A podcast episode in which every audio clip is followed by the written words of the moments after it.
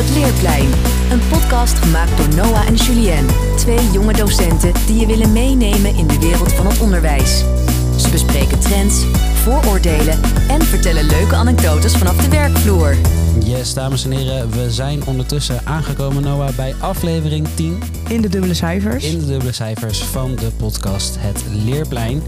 Ehm, de tweede van januari. Ja. Eh, de vorige ging natuurlijk over de voortgangsvergaderingen. En eh, ja, het is natuurlijk in januari nog niet te laat om het te hebben over de goede voornemens. Ehm, nou, laten we eerst eens even beginnen met de algemene goede voornemens. Heb je die? Ja, ik heb een lijstje. Oh, Eh. zoals we van Noah gewend zijn. Ja, van mezelf. Ja. Maar dat hoeft niet per se op het internet geslikkerd worden. Maar een van de goede voornemens is om ehm, eh, beter op mijn geld te letten. Oké. Ja, zoals eh, jij heel mooi eh, beschreef in het eh, gedicht wat wij hebben gedaan met onze vriendengroep. Ehm, hou ik nogal van op vakantie gaan en doe ik dat ook best wel vaak. En eh, nou, dat kost ook wel. Dus dat ga ik dit jaar een beetje inperken. Dat is een, onder andere een eh, van mijn dingen. Met een bepaald doel of gewoon omdat je denkt, dan hou ik meer geld over? Eh, vooral dat. Dat is ook wel eens lekker. Ja. en jij? Ehm, ja, ik hou niet zoveel van goede voornemens per 1 januari. 1 januari want ja, ja, het is natuurlijk niet een random moment. Alleen waarom dan nu wel?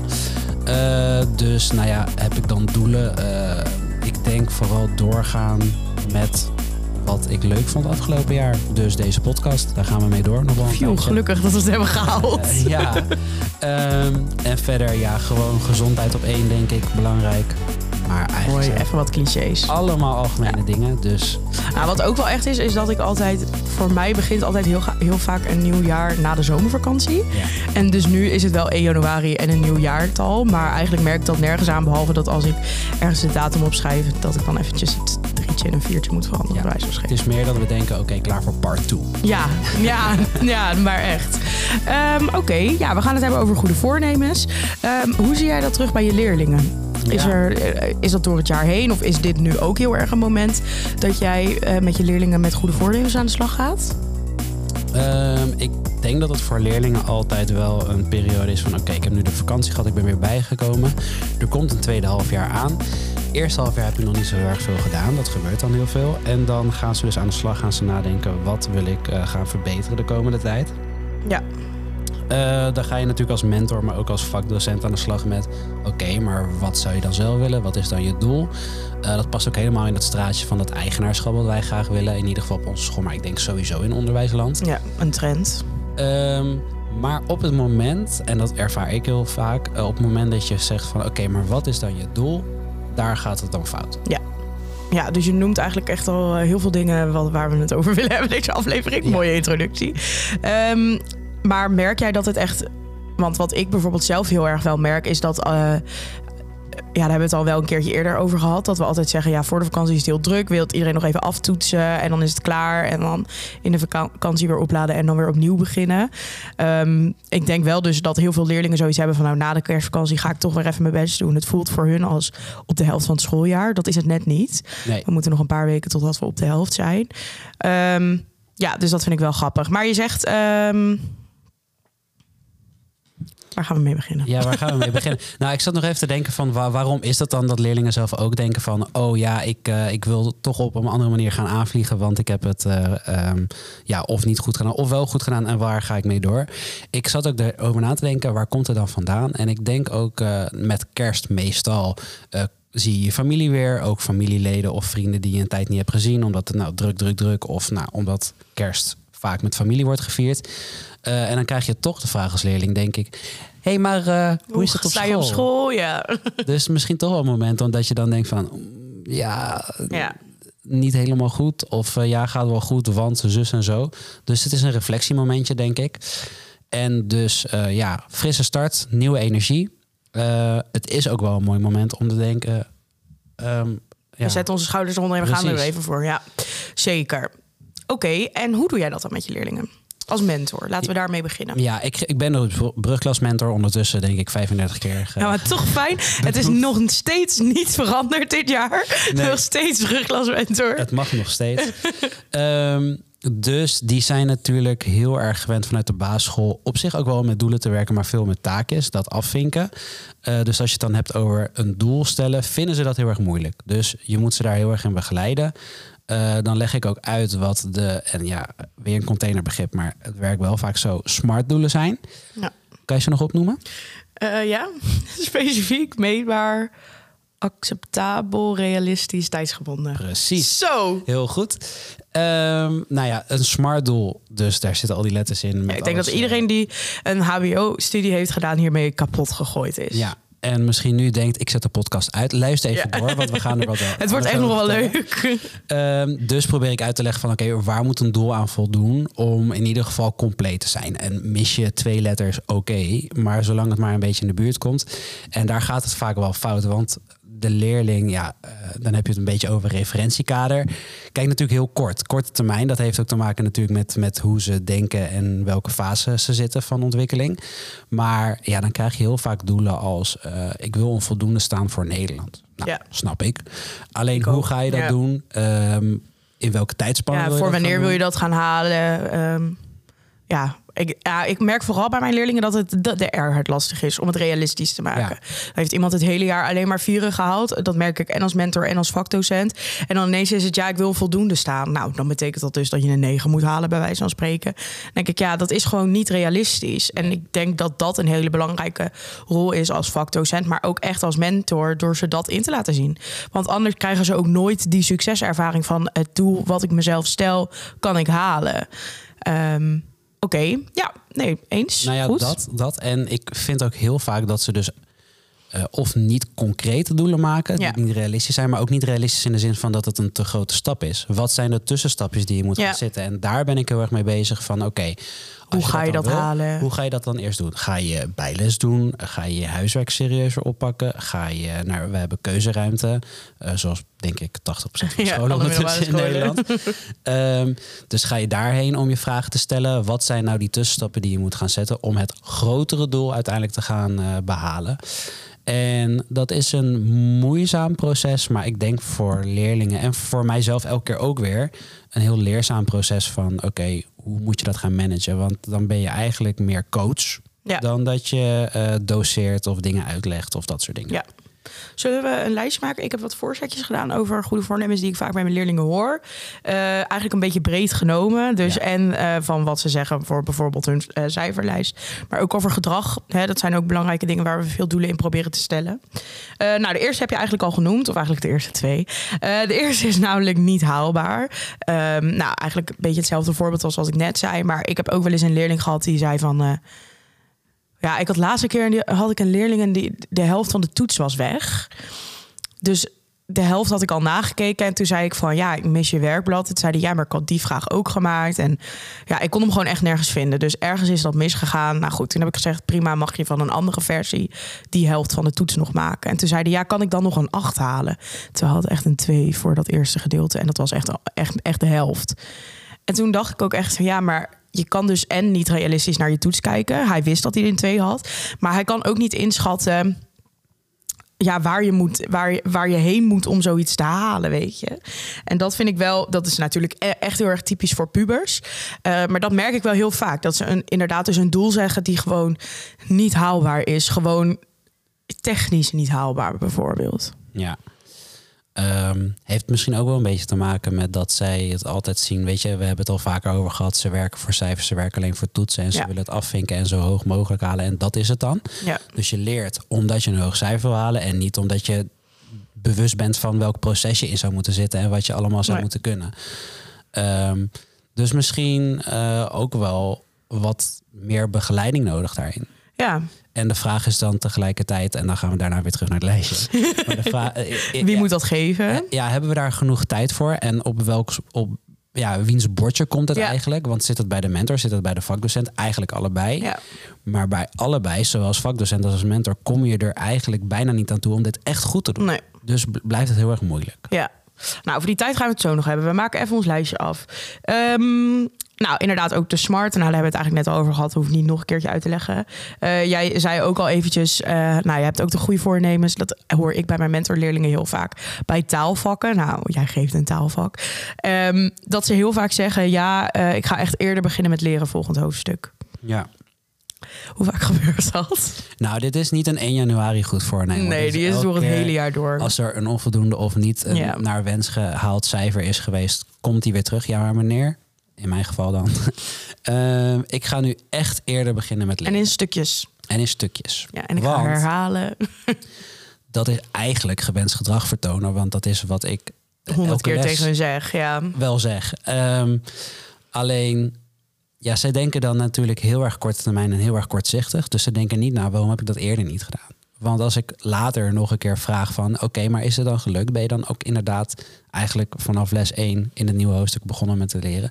Nee, want ik kwam weer allemaal andere vakken Ja, tegen. en ik had andere toetsen. Ja. Oftewel, ik vertoon precies hetzelfde gedrag als Ja, wat ik vorige ik keer verander deed. dus niks. Ja, Ja, het is natuurlijk ook uitstelgedrag. Nou, als ik even naar mezelf kijk, ben ik daar ook heel goed in. Alles een beetje voor me uitschuiven. En als er dan een keertje de druk hoog wordt, dan ga je dat een keertje doen. Dus het is ook heel erg logisch. Ehm, maar goed, ze zeggen het wel, komen het dus niet na. Echt Nee. duidelijk een voorbeeld van een goed voornemen wat niet uitkomt. Eh, dan had ik ook opgeschreven, eh, volgende keer ga ik echt vooraan of alleen zitten. ja. Nou, we hebben natuurlijk vorige aflevering gehad over ehm, de eh, voortgangsvergaderingen.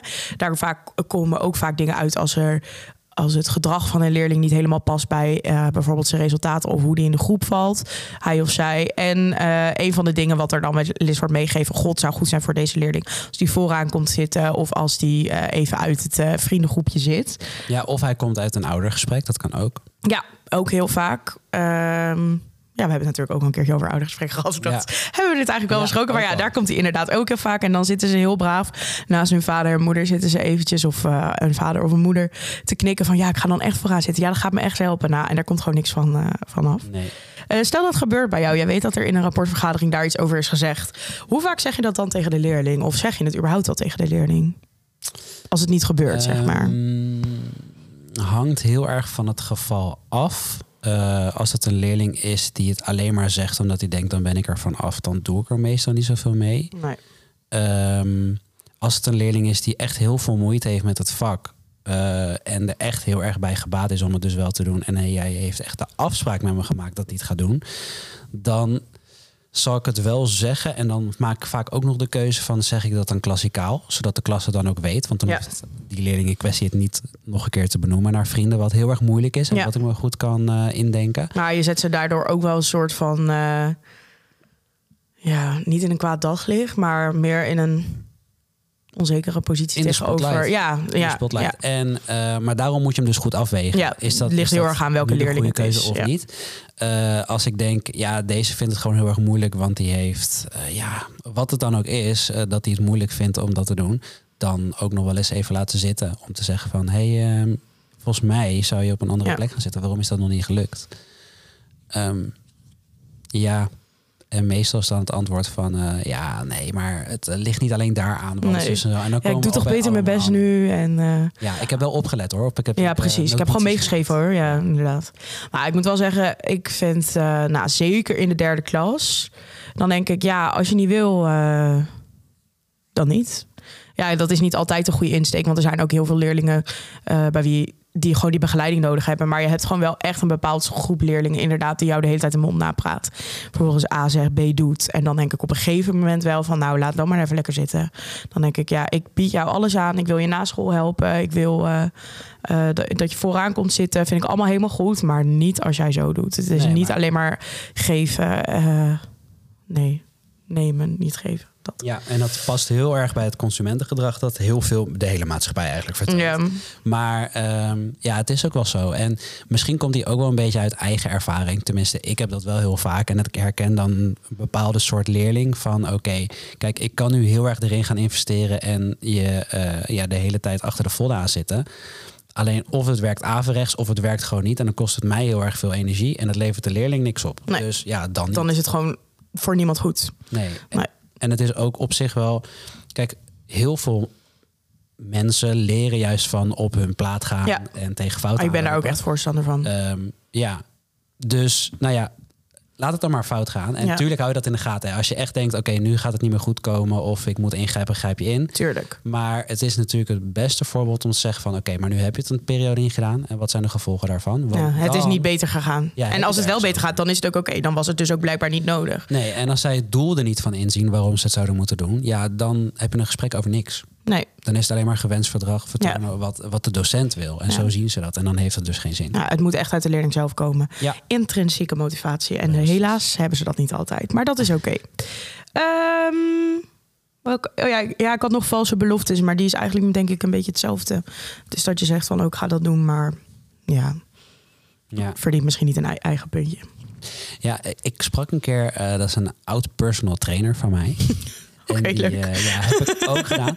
En die zei altijd, weet je, uiteindelijk ook een personal training gaat over coaching, maar het moet Ja. wel vanuit de coachee komen. Ja. Ehm, maak je eh, valse beloftes of maak je criminele beloftes? En hij maakte, Zo. ja, hij maakte daar wel onderscheid in van valse beloftes zijn gewoon dingen die, nou ja, misschien niet zo heel realistisch zijn. Maar Mm. criminele beloftes zijn dingen waarvan je denkt van oké, maar ik ga er eigenlijk ook geen moeite in stoppen. En je weet eigenlijk zelf al dat het niet gaat Ja. gebeuren. Dus je stelt eigenlijk jezelf teleur. Ja. En nou ja, Nou ja, stel je jezelf teleur als je toch al weet dat je het niet gaat doen. eh, nou, sommigen maken dus letterlijk de belofte met het idee van ik ga het wel doen. Alleen er zit iets achter Ja. waar je niet aan durft te komen. Ja, Waardoor het zorgt dat je het niet doet. En Ja, dat en- is ook best wel moeilijk om in te schatten. Zeker als je puber bent. zeker. En ik denk ook, hè, ehm, er zitten gewoon best wel vaak leerlingen op een niveau waar ze misschien niet horen te zitten.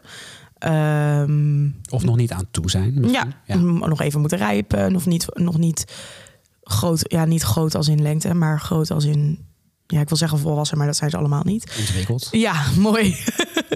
Eh, genoeg zijn dat ze dat aankunnen of dat ze die motivatie kunnen leveren en die discipline. Ehm, dus dan is dat ook oké, vind ik. En, Zeker. maar dat, dat stukje zien leerlingen niet. Dat het ook oké is als het niet lukt. Of hè, nou, wat ik bijvoorbeeld afgelopen jaar bij mij is gebeurd, is, is dat er een leerling uit mijn klas is blijven zitten.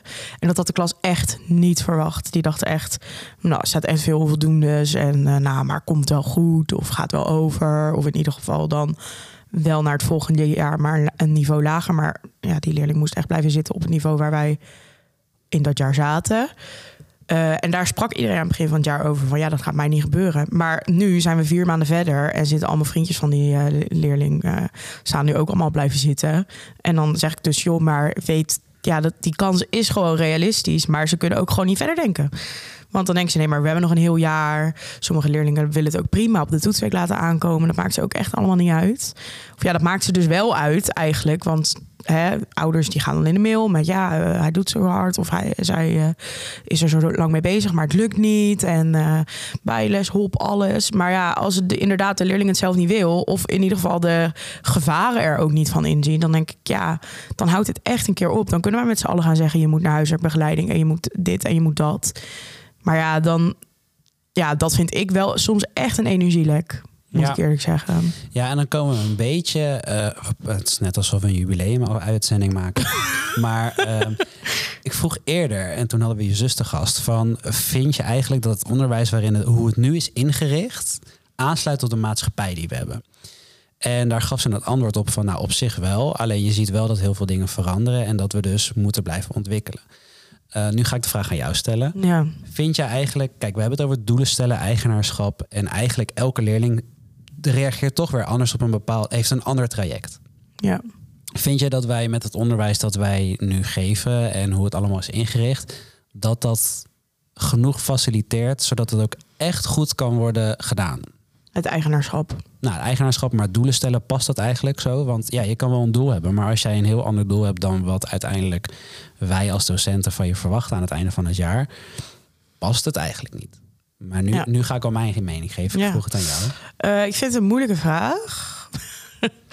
Eh, ik denk dat wij eh, ons schoolsysteem heel graag mee willen laten gaan met de trends die we hebben. Dus bijvoorbeeld eigenaarschap en doelen stellen en ook buiten het onderwijs. Maar vervolgens nog steeds gebruik maken van best wel conservatieve manieren van lesgeven. En dat dat niet met elkaar overheen, overeenkomt. En ik denk dat het daar soms misgaat. Want we zeggen we willen dat leerlingen zelf doelen stellen, dat ze zich aan die doelen houden, dat ze groei laten zien. Maar ondertussen, als ze nog steeds niet over, door jouw hoepeltje heen kunnen springen om een zes te halen, uh, kunnen ze nog zoveel groei vertonen, maar worden ze daar niet voor beloond. Nee. Uh, dus in die zin denk ik van niet. Um, aan de andere kant denk ik van ja, moet dat dan? Ik vind namelijk nou, als we op dit moment nog eindexamens hebben, uh, dan vind ik ook dat je elk jaar een bepaald niveau moet hebben. En ik denk dat het heel fijn is dat leerlingen zich aan dat niveau kunnen optrekken en dat dat een doorlopende lijn is. Um, en als je nog wel eindexamens hebt, maar elk jaar zelf je doel mag stellen en dat je wordt bevorderd naar het volgende jaar op basis van of je bent gegroeid, dan kom je op het eind in de uh, knel. Dus denk dat dat gewoon op dit moment met hoe het onderwijs nu is ingestoken, niet, dat dat niet overeenkomt met elkaar. En ik denk dat dat wel een probleem is.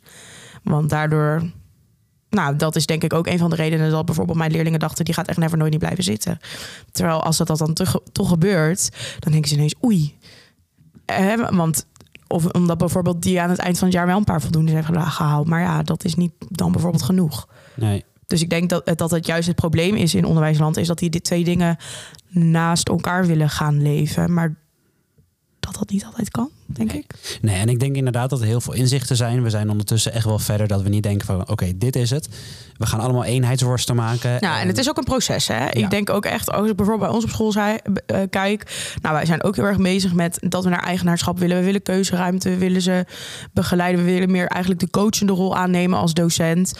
Uh, ik denk dat we daar wel stappen in maken, maar we zijn er absoluut nog niet. Nee, en het is een ideaalbeeld wat past bij wat misschien meer zou moeten. Alleen we zijn er inderdaad nog niet. We zijn er nog niet helemaal in geschot, want de opleidingen doen er een beetje mee, maar zijn ook nog niet zo ver dat ze, ze uh, heel erg ander onderwijs ja. uh, geven aan ons om. Ja, en ook de mensen die die opleidingen geven, zonder namen te noemen, die hebben zelf niet in dat soort onderwijs gewerkt. Ja. Omdat het pas echt iets is van de laatste jaren. Kijk, over tien jaar, bij wijze van spreken, zijn er echt mensen die tien jaar les hebben gegeven op die manier. Zelf met vallen en opstaan daar doorheen zijn gegaan. En dat uit ervaring kunnen. En uit de theorie is het allemaal heel mooi. En dan zie ik ook echt voorbeelden. Ik heb nu voor mijn studie op uh, onderzoek gedaan naar hè, dat begeleiden van een keuzeruimte. Wat wij dan op school hebben, is dat eigenlijk wel goed? En hoe werkt dat? En waarom moet je dat doen? Voor nadelen? En dan zie ik gewoon ook mensen die echt zeggen: ja, bij mij werkt het, maar dat heeft gewoon vijf jaar geduurd. Ja. En dat is oké. um, maar op dit moment zijn er gewoon nog maar heel weinig mensen die echt uit ervaring kunnen spreken van wat er werkt en niet. En ook dat is weer echt afhankelijk van superveel externe factoren. Um, maar het is jammer dat er heel vaak bij het schrijven van een schoolvisie bijvoorbeeld rekening wordt gehouden met wat de trend is, maar ja, gewoon daar stukjes van pakken en denken, oh, dat vinden we mooi, dat vinden we mooi. En dat droppen we allebei bij elkaar en dat willen we gaan halen. Terwijl ja, we dan misschien ook een beetje het echte doel verliezen of zo. Dat heb ik soms het idee. Ja, nou, en dan hebben we het dus over doelen stellen. Dus we willen dat de leerlingen goede doelen stellen. Maar en ondertussen. Doen, en dan deze, kijk, en dan uh, kom je op iets anders, wat natuurlijk heel veel in onderwijsland is. Je hebt natuurlijk beleidsmakers en je hebt degene die echt op de werkvloer staan. En Ja. als dat niet goed mengt, dan krijg je dus bijna twee kampen. Ja. Waarin je vindt dat de beleidsmakers hebben een bepaalde visie. Ja, ik denk En ook dat is niet onderwijs eh, eh, uniek. Dat heb je op elke, Zeker. elke baan, elk werk. En de, en de ervaringsdeskundigen eigenlijk, die dus dagelijks op de werkvloer Ja. staan, die hebben zoiets van ja, het wordt ons door de strot geduwd en er wordt eigenlijk niet geluisterd naar wat wij tegenkomen. Maar dat is tegelijkertijd een roep naar we hebben meer input nodig en we, Ja. we willen daar of in geschoold worden of dat soort dingetjes. ja, of in geholpen, of in ieder geval ook de tijd en ruimte krijgen om dat te kunnen ontwikkelen. Ja. En dat is gewoon heel vaak wat ehm, niet altijd kan worden gefaciliteerd, omdat de trein gewoon doorrijdt en je moet iets nieuws. Ja, jij zei dit gisteren. Ja, jij zei iets van: het is voor heel veel mensen lastig om als de trein doorgaat, dan wil je terugvallen op je automatisme. Maar als je automatisme. Ja, Weet als je nog wat je ja, zei? ja, ik zei als de druk heel erg hoog wordt. Ja, oh ja. Dan wil je terugvallen op automatisme. Ik Maar als al die automatismen worden geschrapt omdat dat niet meer past in Ja. de nieuwe visie die er is, Ja. dan raak je in paniek. En dan heb je het gevoel van. Ik En dan kan- is die ik- druk ineens zo hoog. Wat moet ik nog? En dan raak je jezelf kwijt, eh, waar je in gelooft raak je kwijt. En dan sta je dus een act te houden, Ja, soort van. Heel, eh, echt heel Ja, erg breed en ja. uitvergroot. Maar ja, dat voelt natuurlijk niet lekker. Ja, dan zijn wij ook door een hoepel aan het heen springen waarvan je denkt: ik wil helemaal niet door die hoepel. Ik wil het gewoon op mijn eigen manier doen. Ja, en ehm, dus conclusie, want ik stelde je een vraag. Ja, wat was een vraag weer? hoe- hoe- is, is het zo dat, want dat hoor je steeds vaker ook, en dan vooral mensen die toch een ander pad hebben bewandeld, zeggen dan, ja, docenten zeiden tegen mij, ja, maar jij bent ook eenmaal niet iemand die past op school. Mhm. Of zijn de scholen nog niet passend voor mensen die een ander traject willen bewandelen? Wat is dan het antwoord dat je erop zou geven?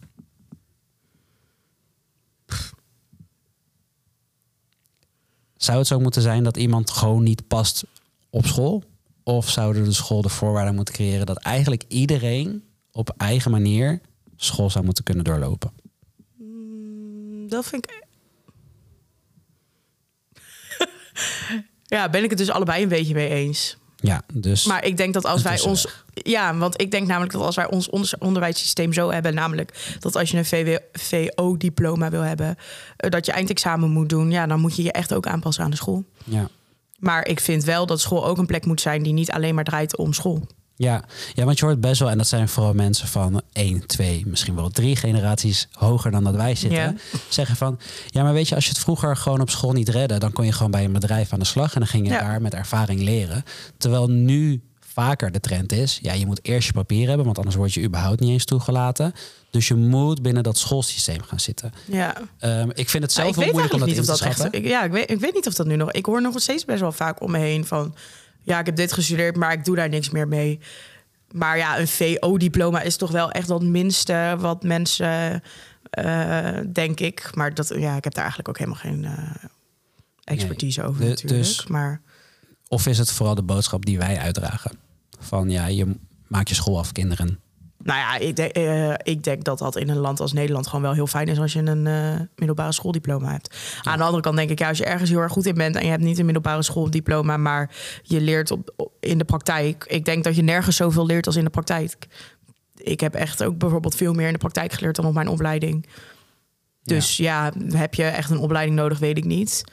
Maar aan de andere kant, ja, als je chirurg wil worden, zou ik toch wel fijn vinden als iemand, weet je, zo. Maar dat is ook weer heel extreem. Ja, ik vind het lastige vraag, want ik vind wel heel erg dat school een plek moet zijn waarbij het niet alleen maar om de vakken gaat, waar, Ja. ook, waar het ook echt, hè, we hebben het ook sociaal vinden we heel belangrijk.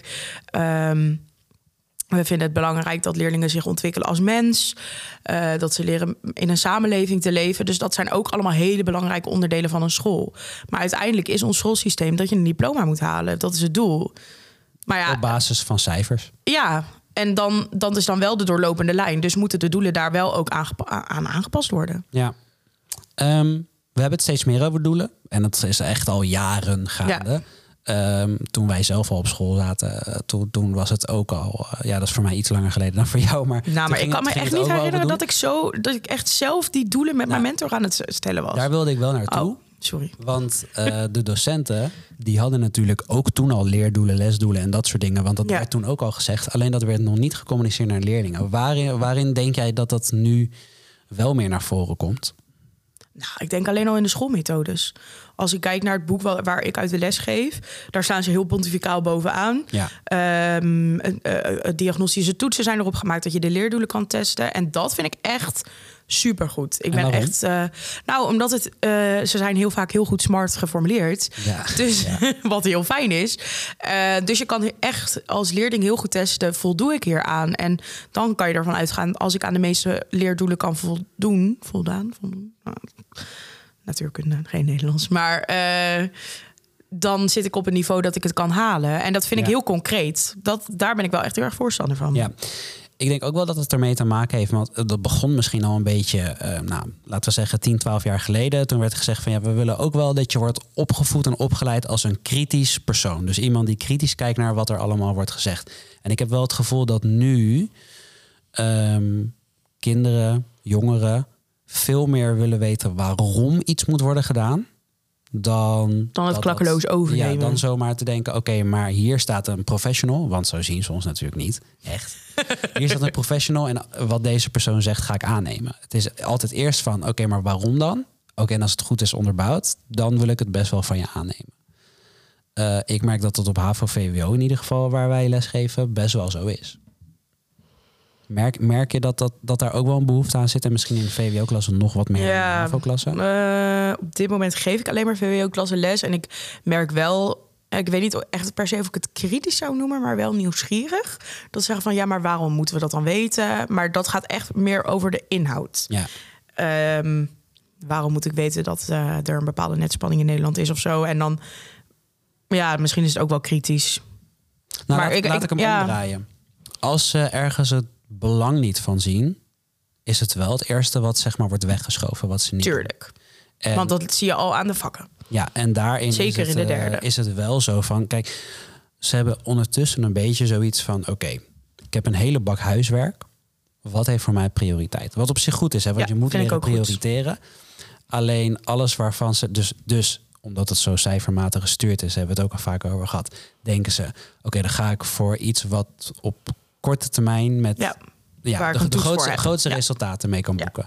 Maar daarin, omdat dus misschien het doel niet duidelijk is waarom ze nou, woordjes moeten leren of een formuleblad zouden moeten doornemen, doen ze dat niet. Want ja, geen prioriteit, want op korte termijn geen resultaat. ja. En daarin denk ik dat het wel heel erg goed is dat we dus veel meer met doelen gaan werken en dat het dus meer wordt benoemd. Want Ja. dan weet je ook, zeker. je moet hier aan voldoen fiets, uiteindelijk. Dus moet je deze stappen door, eh, doorlopen om daar naartoe te gaan. Ehm, Dat vind ik een goede. Ja, het is niet echt een trend, maar een goede toevoeging Goede op ons onderwijs. Ja, een goede ontwikkeling.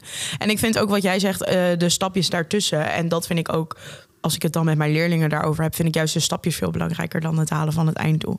ja. Ehm, want ja, we hadden het net al heel even kort over, over op wiens bordje komt het dan. Ehm, hoe begeleid jij jouw leerlingen als mentor? En wat is het verschil tussen jou als mentor en vakdocent bij het opstellen van doelen? Ja, als mentor ben ik ook meer bezig met meer vakoverstijgende dingen. Dus als het gaat sowieso over leren, leren, dan heeft dat niet per se met een specifiek vak te maken, maar gewoon Nee. met hoe leer je en hoe plan je. Eh, dus dan ben ik veel meer met algemene vaardigheden bezig, denk ik.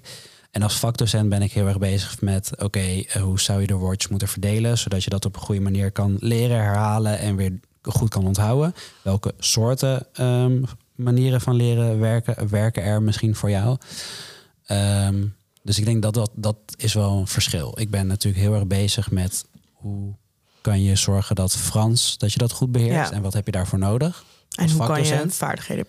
En als Meer mentor is het meer vaardigheden. En sommige doelen, want ik zeg ook als je echt een doel hebt wat meer gewoon nou, met je leven rondom school te maken heeft, dat kan je ook gewoon als doel stellen. En daar Ja. kan je misschien op school ook aan werken door met klasgenoten te praten die hetzelfde hebben, eh, dat soort dingen.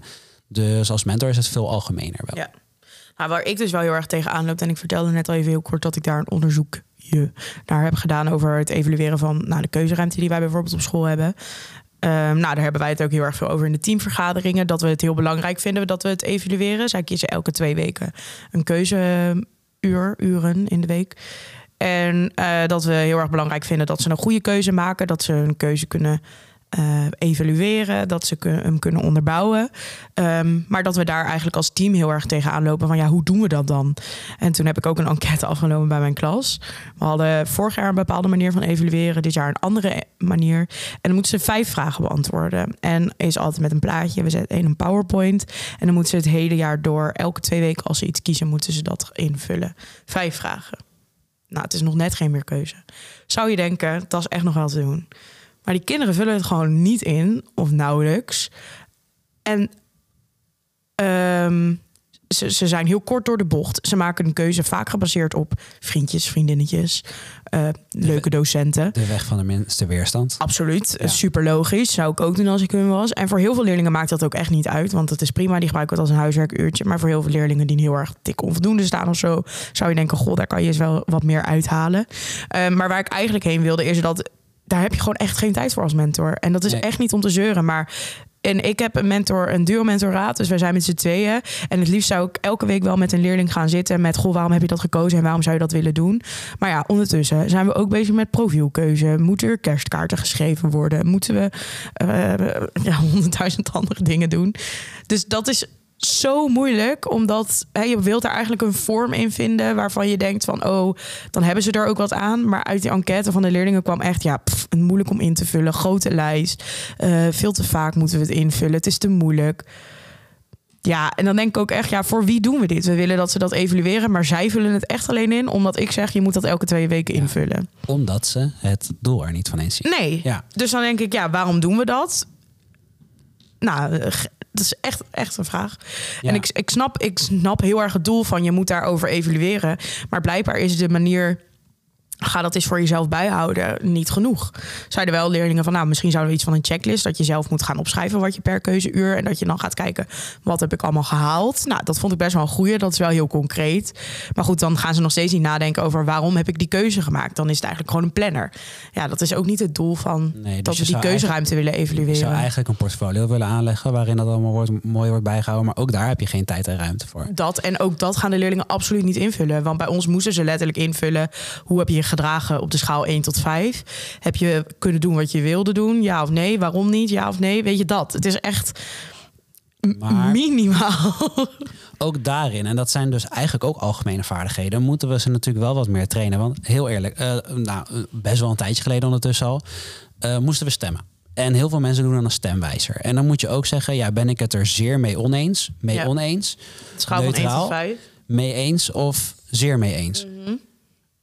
Ja, hoe erg eh, kan je dat hard maken of je ergens zeer mee eens bent of mee eens? Waar zit het Ja. verschil? Eh, dat vinden wij al lastig. Moet je Moet je nagaan als je er nog Ja. niet in bent getraind. En misschien vinden wij het juist lastig omdat wij het dus ook hebben gemist. Maar ja, Ja. het is ook heel erg moeilijk om jezelf te, te raten. Waar zit ik nu? eh, Ja, maar ik denk niet eens dat ze daar het meeste moeite mee hebben. Maar gewoon het moeite mee hebben van... ja, waarom maak ik eigenlijk die keuze? En is de mm, reden waarom ik die keuze maak wel de juiste voor mij? En dat vind ik dus... Ik zou dat het liefste wil be- willen begeleiden... door met de leerlingen in gesprek te gaan. Maar die tijd is er gewoon niet. En dat is wel heel erg jammer. Nee. En over tijd gesproken Ja. moeten we ook alweer We zijn er nog na. We kijken wel hoe het loopt. Zien wel, nou, wat is het? 35 cent. Ja, dus ehm, ja, ik denk dat we hier nog heel veel over mee, door kunnen praten. Ja. En misschien eh, moeten we ook even op zoek naar iemand die hier wat Wel meer- ervaring in heeft. Ja, er- ervaringen heeft, maar ook bijvoorbeeld over doelen stellen, hoe, eh, nou, wat de visie daarover is. Ja. Ehm, dus mooi doel voor de rest van Ja. 2024. Ja, mooi goed voornemen voor onze podcast. Ja. Ehm, nou, wij ehm, Op naar de elfde. ja, op naar de elfde. Tot, en de, tot de volgende keer. keer. Doeg. Deze podcast is een productie van Mediagroep Eva. Meer luisteren? Ga naar mediagroep-eva.nl. Eva!